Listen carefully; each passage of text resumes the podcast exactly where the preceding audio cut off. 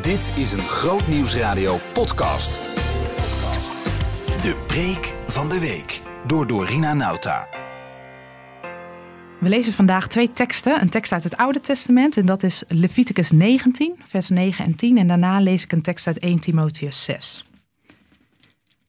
En in Leviticus 19 staat het volgende.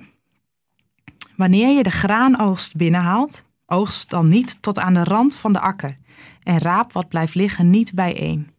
En wanneer je bij de wijnoogst druiven plukt, loop dan niet alles nog eens na en raap niet bijeen wat op de grond is gevallen, maar laat het liggen voor de armen en de vreemdelingen. Ik ben de Heer, jullie God. En dan lezen we verder in 1 Timotheus. Ik lees 1 Timotheus 6, vers 6 tot 8 en vers 17 tot 19. En daar staat het volgende. Maar voor wie tevreden is met wat hij heeft, is het geloof grote winst. Wij hebben niets in deze wereld meegebracht en kunnen er zelf ook niets uit meenemen. We hebben voedsel en kleren, laten we daar tevreden mee zijn. En dan vers 17 tot 19, daar staat het volgende. Draag de rijken van deze wereld op niet hoogmoedig te zijn en hun hoop niet in zoiets onbelangrijks of onzekers te stellen als rijkdom, maar op God, die ons rijkelijk van alles voorziet om ervan te genieten. En draag hun op om goed te doen, rijk te zijn aan goede daden, vrijgevig en bereid om te delen. Zo leggen ze een stevig fundament voor de toekomst en winnen ze het ware leven. Vandaag is het Miga-zondag en is het thema genieten van genoeg. En dat is meteen eentje om bij stil te staan. Wanneer heb jij voor het laatst genoten van iets simpels, iets kleins? Gewoon genoten van de eenvoud. Ik denk aan een moment van afgelopen week. Een simpele uitspraak van ons driejarige zoon. Voor het eerst sinds tijden waren we weer in de kerk, want lockdown, je kent het. En mijn nichtje werd gezegend. En daarna gingen we picknicken in het park met de familie. De zon scheen, we kletsten en iedereen had wat lekkers gemaakt.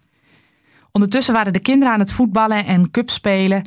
En uitgeput stapten we met de kinderen in de auto naar al het rennen. Vlak voordat de peuter in slaap viel, zei hij het volgende. Vandaag was een gezellige dag, toch, mama? En terwijl het langzaam stil wordt op de achterbank, mijmer ik nog wat na over zijn woorden. Tevredenheid, genieten van de kleine dingen. Zijn uitspraak helpt me daarbij. We hebben het vandaag over genieten van genoeg. En dat klinkt mooi, maar het is ook best ingewikkeld, want wat is eigenlijk genoeg? En hoeveel hebben we nodig om te kunnen genieten? En is genieten een levenshouding die iedereen zou kunnen leren, of is het voor sommige mensen weggelegd? De richtlijn uit Leviticus die we lazen is een prachtige manier om om te zien naar elkaar en naar de schepping. En laat een ander economisch systeem zien. De hoeken van de akkers dienen ongemaaid te blijven, zodat de armen het konden oogsten. En wat bij het binden van de bossen schoven valt, moet men laten liggen. De reden van de regel is om zorg te dragen voor de kwetsbaren, om zo te voorzien in het eten van de armen en de vreemdelingen. Want zij hebben vaak geen eigen land in hun bezit en daardoor geen inkomen. En we lezen in de Bijbel op andere plekken soortgelijke principes, waar een beroep wordt gedaan op de eigen ervaring van het volk. Soms staat dat erbij. Weet je nog, toen jullie zelf vreemdelingen waren, toen jullie zelf arm waren en leefden in Egypte. Soms is het zo helpend als je de situatie kent, dat je weet dat, je, dat de grenzen tussen helper, slachtoffer en daden vervagen. Nu help ik jou, verzorg ik jouw wond en op een ander moment zijn de rollen misschien wel omgedraaid. Het is een kostbare en helpende ervaring als je die kent uit je eigen leven. Het zijn de wetten in het Oude Testament die grenzen stellen op allerlei manieren. Er is een grens aan hoe lang er gewerkt mag worden. Elke zevende dag is een rustdag. Er is een grens aan hoe lang je een akker mag bewerken. Elk zevende jaar moet het land braak liggen, zodat de grond kan herstellen. En wat er spontaan opkomt, dat mag gegeten worden in dat jaar. Niet alleen door de eigenaar van de grond, maar ook door slaven, door vreemdelingen, door vee, door wilde dieren. En na zeven keer zeven jaar moeten alle schulden worden kwijtgescholden het jubeljaar. En ook bij de jaarlijkste oogst van graan of van druiven is het niet de bedoeling om tot het uiterste te gaan. Oogst niet tot aan de randen van de akker staat in deze tekst. Maar laat dat liggen. Zo kon wie geen land had een graantje meepikken van de oogst. En deze grenzen in het Oude Testament zijn heilzaam. Ze zijn goed voor mens, voor het land, voor dieren. En door het stellen van grenzen wordt wat kwetsbaar en machteloos is, wordt beschermd. En ik kan het niet laten om even vooruit te blikken naar het verhaal van Rut. Want deze richtlijnen waren goed voor haar. Een vreemdeling die in een tijd van hongersnood in Bethlehem komt. En blijkbaar kent ze de mogelijkheid om achter de maaiers aan te gaan en te rapen wat is blijven liggen. En zo hebben Naomi, haar schoonmoeder en zij genoeg te eten. En daarmee neemt ze ook een risico, want als vreemdeling is ze kwetsbaar. En helaas was niet iedereen zo vrijgevig als God voor ogen had. Het is een concreet verhaal van een bijzondere vrouw die dankzij Gods kijk op economie en zijn kijk op hoe dingen verdeeld zouden moeten worden, wordt ze onderdeel van de geslachtsgeschiedenis van Jezus. De vruchtbaarheid van Gods richtlijnen. In hoeverre laten we in onze tijd wat liggen voor anderen? En hoe zou dat er dan uitzien? Ik denk bijvoorbeeld aan het doorgeven van kleding of het weggeven van eten aan de voedselbank. Al is dat misschien nog wel vooral het delen van onze overschot. Hoe delen we van onze oogst? Nou is het zo dat in de ecologische landbouw wordt nagedacht over akkerranden. De stukken van het land die je niet gebruikt voor de oogst, zoals in deze tekst wordt voorgeschreven. En in die stukken daar zaaien ze dan bloemen. Om ruimte te bieden aan insecten en aan vogels. En dat is voor de ecologie, voor de natuur van grote waarde. Als we niet alles uit de grond halen wat erin zit voor onszelf, dan krijgt onze naaste en de schepping ruimte om te bloeien.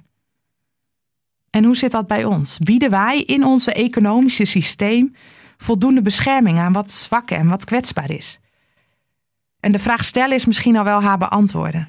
Want wereldwijd wordt landbouwgrond uitgeput. En werken miljoenen mensen voor zeer lage tarieven.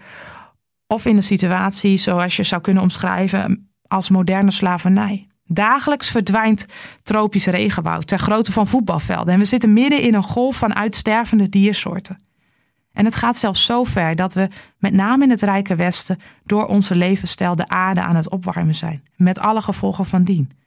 De grens is duidelijk bereikt en in veel gevallen al overschreden.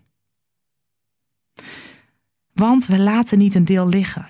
We pakken niet 100% van de oogst, maar we pakken eerder 120% van de oogst. We putten uit. We maken misbruik van wat er beschikbaar is. Meer, meer, meer. En die manier van leven heeft directe gevolgen voor anderen. Onze comfort, onze manier van leven doet anderen tekort. En tegelijkertijd zit er een wijsheid achter deze hele praktische richtlijn van God. Het uitgangspunt is namelijk: er is genoeg. Er is overvloed. En je kunt dus best wat laten liggen. Want jij en ik hebben meer dan genoeg. En dat is voor mij een behulpzaam principe.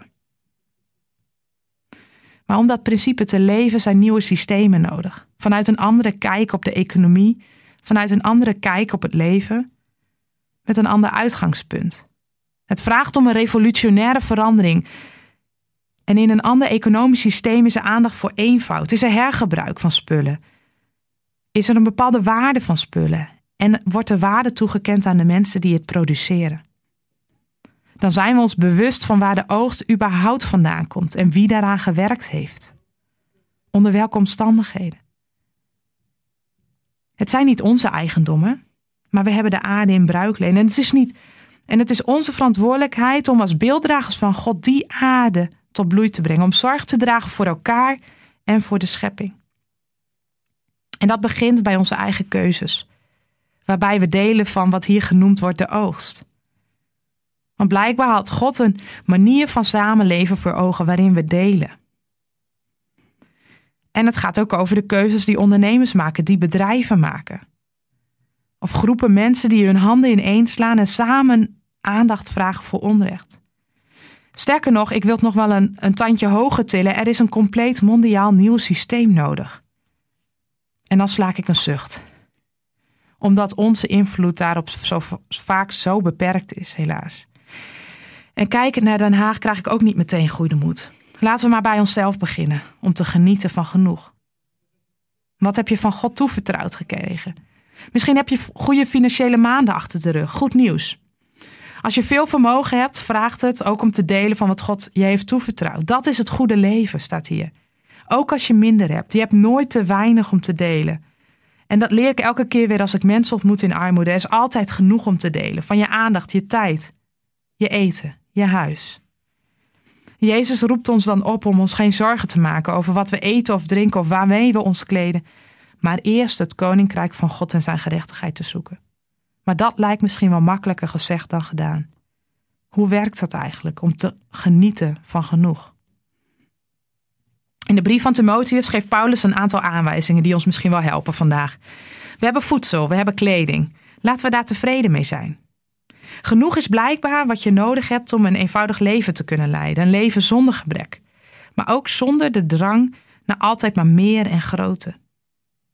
En aan wie meer dan genoeg heeft, geldt de boodschappen. Geldt dan ook de boodschappen om niet hoogmoedig te zijn en je, en je hoop niet te stellen op rijkdom, maar je hoop te stellen op God. Hij die rijkelijk zal voorzien om ervan te kunnen genieten. Want wie rijk is, kan ook uitdelen.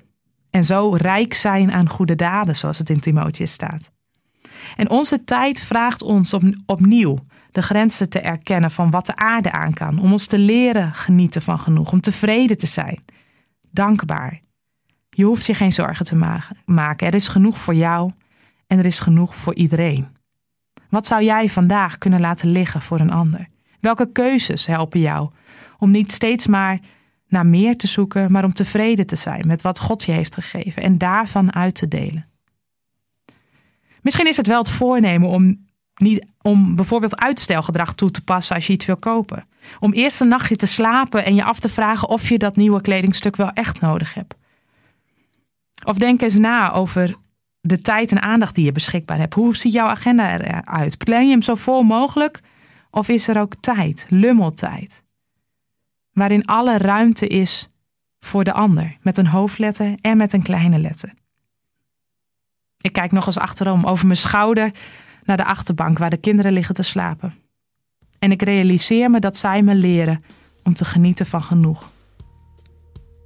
En tegelijkertijd hebben ze daarin gedeeld, want ik weet een aantal ooms en tantes en een opa en oma die glimlachend mee hebben genoten. En het mooie is, we hadden niet veel nodig. Eigenlijk is er nog één vraag die overblijft. Wat is er met het overgebleven eten gebeurd? Behoefte aan meer? Grootnieuwsradio.nl slash podcast.